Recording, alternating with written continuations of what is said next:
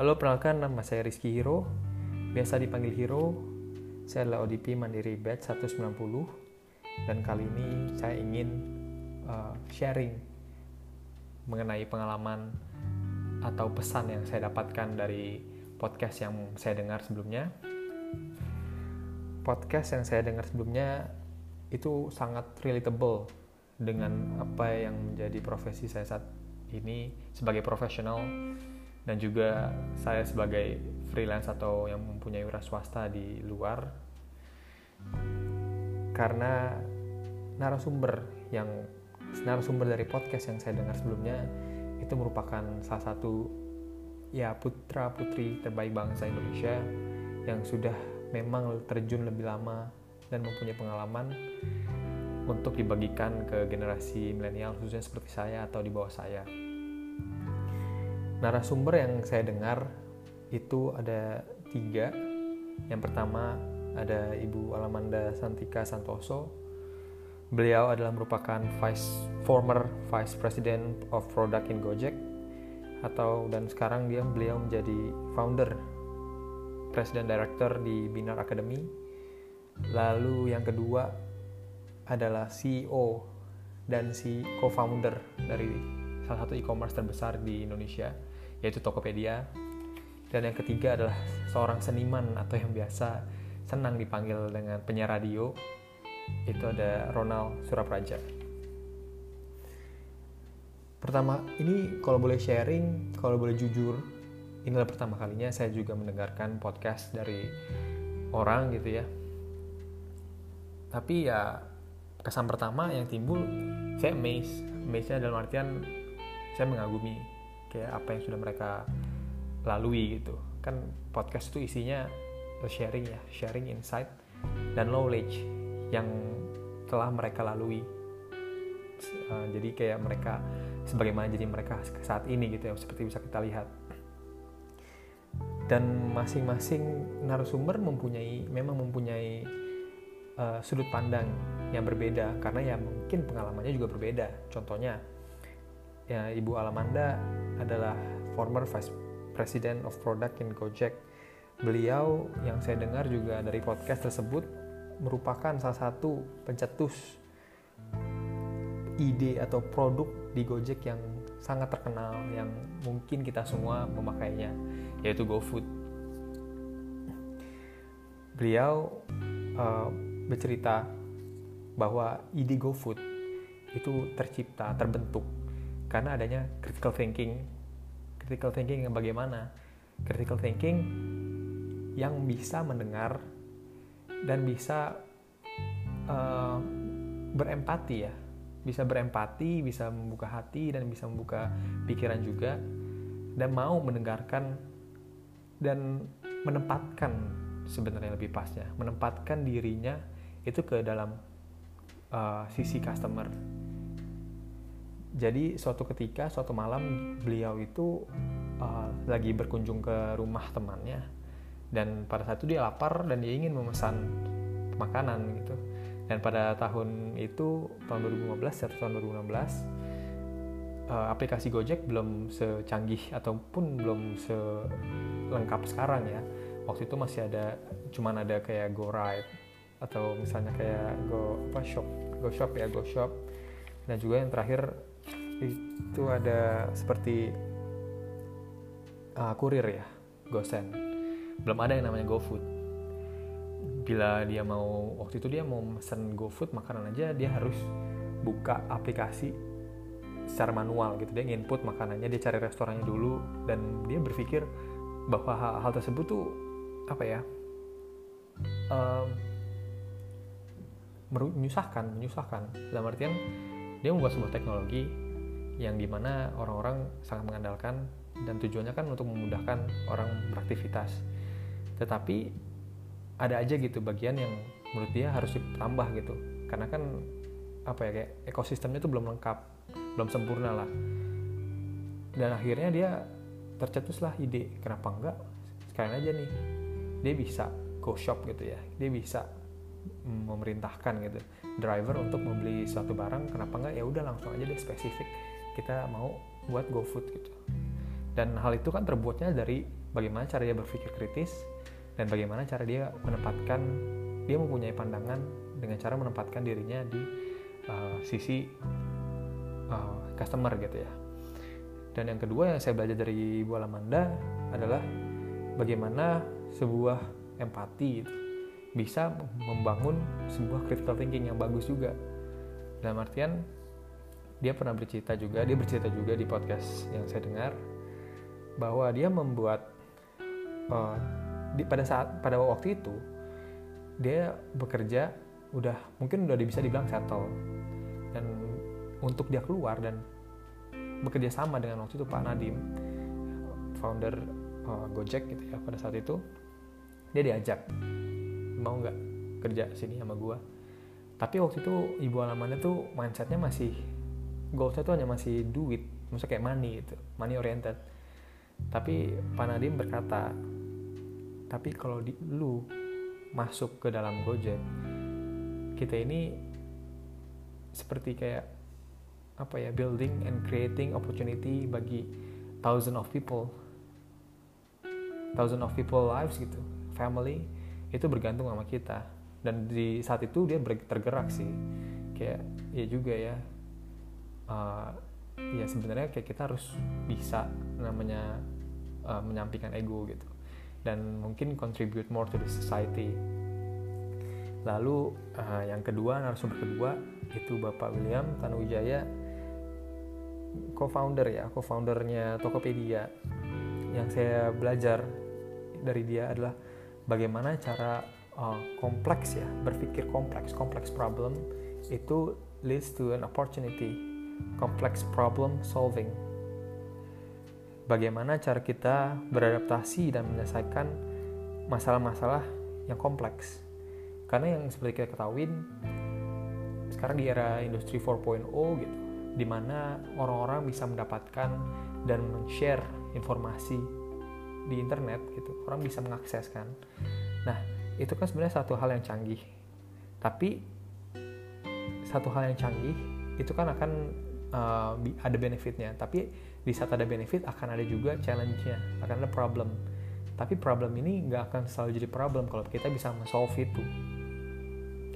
Nah, yang saya salut dari Pak William itu adalah bagaimana dia menemukan apa ya, seperti mindset. Dia menanamkan sebuah mindset. Dia menanamkan sebuah mindset ke dalam dirinya dia sendiri. Begini, dia uh, menurut ini sih dia dari buku uh, dari seorang ini juga sih ya ternama yaitu Martin Luther King. Ada dua tipe seorang pemimpi. Yang pertama ada dreamer yang kedua ada visioner. Dreamer itu adalah seorang pemimpi yang bermimpi dengan mata tertutup. Sementara visioner orang visioner adalah seorang pemimpi yang bermimpi dengan mata yang terbuka artinya apa? Artinya kayak kita bermimpi tapi jangan cuma sekedar bermimpi nih. Harus ada planning yang kita buat. Dan setelah planning gimana sih cara kita mengucapkan bagaimana cara kita mengeksekusinya itu? Seperti itu. Dan kalaupun udah dieksekusi udah, udah diimplementasi bagaimana kita caranya menginspirasi agar orang-orang yang apa ya agar goals dari tujuan perusahaannya dia kan akhirnya tercapai uh, dia bisa menginspirasi bukan hanya menginspirasi memudahkan konsumernya dalam bertransaksi jual beli gitu ya tapi juga untuk uh, negara berkontribusi kepada negara Indonesia itu sangat besar juga karena kan kayak menggerakkan perekonomian Indonesia juga. Dan untuk yang narasumber ketiga ini saya mungkin paling tertarik tertariknya dalam arti apa? Dalam arti judul yang dia bahas itu adalah navigating your career to the top di situ saya paling menarik nya dia menyebutkan bahwa tipe orang bekerja itu ada empat tipe. Dia kategorikan ke dalam empat tipe. Yang pertama ada kerja keras, kedua kerja cerdas, ketiga kerja tuntas, dan terakhir kerja ikhlas. Wow, eh, saya berpikiran gini, kayak kerja keras. Kerja keras dia ngomong, dia, dia dia bilang di podcast itu dia bilang kerja keras itu ibaratnya kayak memang kerja keras itu wajib. Soalnya kenapa? Karena kerja keras itu ibarat kita membangun fondasi. Kita bangun sebuah rumah kita harus buat fondasinya. Fondasi itu kan paling penting ya paling krusial. Kalau misalnya kita fondasinya aja udah miring miring kiri miring kanan nggak firm pada saat kita membangun rumah itu akan goyah. Nggak akan sustain. Maka dari itu dia ngomong juga kalau kerja keras itu wajib hukumnya karena merupakan sebuah fondasi. Yang kedua adalah kerja cerdas jadi ibaratnya kayak sudah kerja keras udah buat fondasi ya udah kita kerja cerdas gimana caranya kita buat uh, maksimalin dari fondasi yang ada menjadi sebuah rumah. Dalam artian kerja cerdas tuh gimana caranya kita memaksimalkan waktu dalam satu hari? Misal kayak kita kerja uh, kenapa kenapa enggak gitu ya? Kita kerja lima hari gitu ya lima hari untuk bisa untuk uh, menghidup menghidupi sebuah keluarga gitu ya. Keluarga kita dalam waktu sebulan jadi antara misalnya kita kerja lima hari sama kerja kita 30 hari kita sama-sama kerja kita sama-sama dapat hasilnya hasil imbalan gitu ya hasil imbalan yang sama tapi dengan porsi kerja yang lebih sedikit ya kenapa enggak gitu. Artinya apa? Artinya di situ dia, dia dia mengajak kita untuk berpikir apa ya kerja itu kita harus bukannya kita ngambil shortcut gitu tapi kita kerja itu harus produktif dan kerja itu kita harus pintar-pintar mencari peluang. Dan yang ketiga dia bilang kerja tuntas. Kerja tuntas dalam arti dia dia harus bekerja pekerjaannya itu dari awal proses sampai ketemu proses berikutnya lagi. Jadi jangan sampai nggak tuntas. Dan sampai kayak seperti profesional gitu ya. Dalam satu hari kita dikasih deadline. Nih tapi kita kan nggak kerjain tuntas. Kita kerjanya cuma bener sampai setengah. Kita kerjain setengah ah udahlah udah jam segini. Kita besok lagi aja deh. Nah itu yang menyebabkan kenapa banyak deadline yang mepet gitu. Maksudnya kayak sebenarnya sih saya berpikirnya kalau misalnya dalam sebuah kerjaan nggak ada sih yang namanya uh, apa dikejar deadline atau bos serem. Ya bos serem bosnya bos marah kan karena ada sebabnya juga ya. Dan itu sebenarnya gimana caranya sih kita ini uh, mengantisipasinya gitu ya. Kita harus pintar-pintar kita kerja harus tuntas gitu. Jangan jangan menunggak-nunggak kerjaan. Dan yang terakhir tuh paling penting sih sebenarnya. Kita udah ngelakuin semua kerja yang sebelumnya tapi kalau yang proses terakhir ini kita lewatin kita akan lupa. Kita nggak akan bahagia gitu. Yaitu kerja ikhlas kerja ikhlas akan menumbuhkan apa ya perasaan yang bahagia gitu bahagia jiwa raga. Jadi ya kita senang-senang aja gitu mau kita kerja banting tulang mau capek-capeknya kita kita kan tetap bahagia karena kita kerja ikhlas. Dan dia juga bilang sih kayak kerja itu uh, harus thinking without the box. Artinya gini ya mungkin dia bisa ngomong begitu karena dia adalah seniman gitu ya. Cuman mungkin kalau misalnya di profesional kita juga bisa nerapinnya dalam artian ya kita harus pandai-pandai gitu. Pandai-pandai dalam artian apa? Dalam artian thinking, without the box dia bilang uh, dia bilang harus perbanyak referensi gitu. Harus perbanyak wawasan. Jangan cuman kita dapat wawasan itu cuma di uh, ibaratnya kalau di profesional kita di dalam lingkungan kantor. Tapi kita bisa dapat wawasan itu dari segala macam. Baik itu dari kita baca berita gitu baca berita atau kita sharing aja gitu sama orang. Misalnya kita naik transportasi umum kita naik uh, ojek online gitu ya. Kita bisa saling tukar informasi saling tukar pikiran. Karena apa? Karena insight itu sangat diperlukan. Insight atau self story itu justru yang lebih apa ya menjual gitu. Knowledge semua orang bisa punya knowledge yang sama karena belajar dari buku atau teori yang sama. Tapi insight atau pengalaman orang-orang kan berbeda dan ya menurut saya sih uh, yang membedakan orang gitu bukan kepintarannya tapi insightnya gitu. Misal apa uh, side storynya gitu.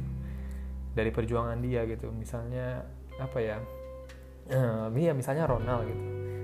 Si Ronald bilang kayak kebanyakan orang melihat saya dari uh, udah pas enaknya aja gitu udah hasilnya. Tapi dia ngeliat prosesnya. Mungkin saya bisa mengaitkan sama uh, mantan direktur ya Pak Iko yang sekarang jadi wamen BUMN ya sekarang yang kita lihat Pak Tiko wah udah hebat gitu ya hasilnya. Tapi kan ya pasti dia udah ngelewatin proses itu gitu. Dan value yang dia punya mau kayak insight yang dia bawa itu udah sangat berlimpah. Mungkin knowledge-nya sama gitu dengan yang jajaran-jajaran di direksi komisaris tapi ya dengan dia jadi wamen pun dia akan mempunyai insight yang sangat jauh berbeda gitu. Dan itu menjadi nilai sangat-sangat nilai tambahan seperti itu. Ya sebenarnya sih di antara ketiga uh, dari narasumber yang sudah saya dengar sama sih. Kayak kesimpulannya adalah ya kita mau bekerja sebagai wira swasta atau kita bekerja sebagai profesional poin pentingnya adalah bagaimana kita harus memprioritaskan antar waktu gitu. Misalnya kita profesional kita harus memprioritaskan waktu misalnya antara bekerja dan istirahat dan keluarga juga. Dan misal uh, dan yang kedua adalah kita harus bisa membuka pikiran dan buka hati gitu. dalam profesional kan juga diperlukan uh, diperlukan dalam arti apa? Kita jangan bisa jangan hanya mau uh, didengarkan tapi kita juga harus mau mendengarkan. Karena seorang leader itu akan harus bisa menumbuhkan leader-leader baru seperti itu. Dan yang terakhir sih yang saya uh, pikir mereka semua juga mendapatkan yang sama sih konsisten gitu ya integritas. Jadi bekerja itu bukan suatu uh, bekerja memang suatu kewajiban tapi alangkah baiknya juga kayak bekerja itu dengan rasa yang bahagia agar apa yang dikerjakan tidak tidak akan menjadi beban gitu bagi dirinya karena kerja yang optimal juga akan membantu perusahaan tumbuh kembang menjadi lebih baik juga. Dan apalagi kita gitu ya yang bekerja di bank salah satu bank BUMN itu sangat akan berdampak uh, ininya apa manfaatnya untuk uh, pertumbuhan negara gitu. Jadi ya mungkin itu aja yang bisa saya sharing pada hari ini. Terima kasih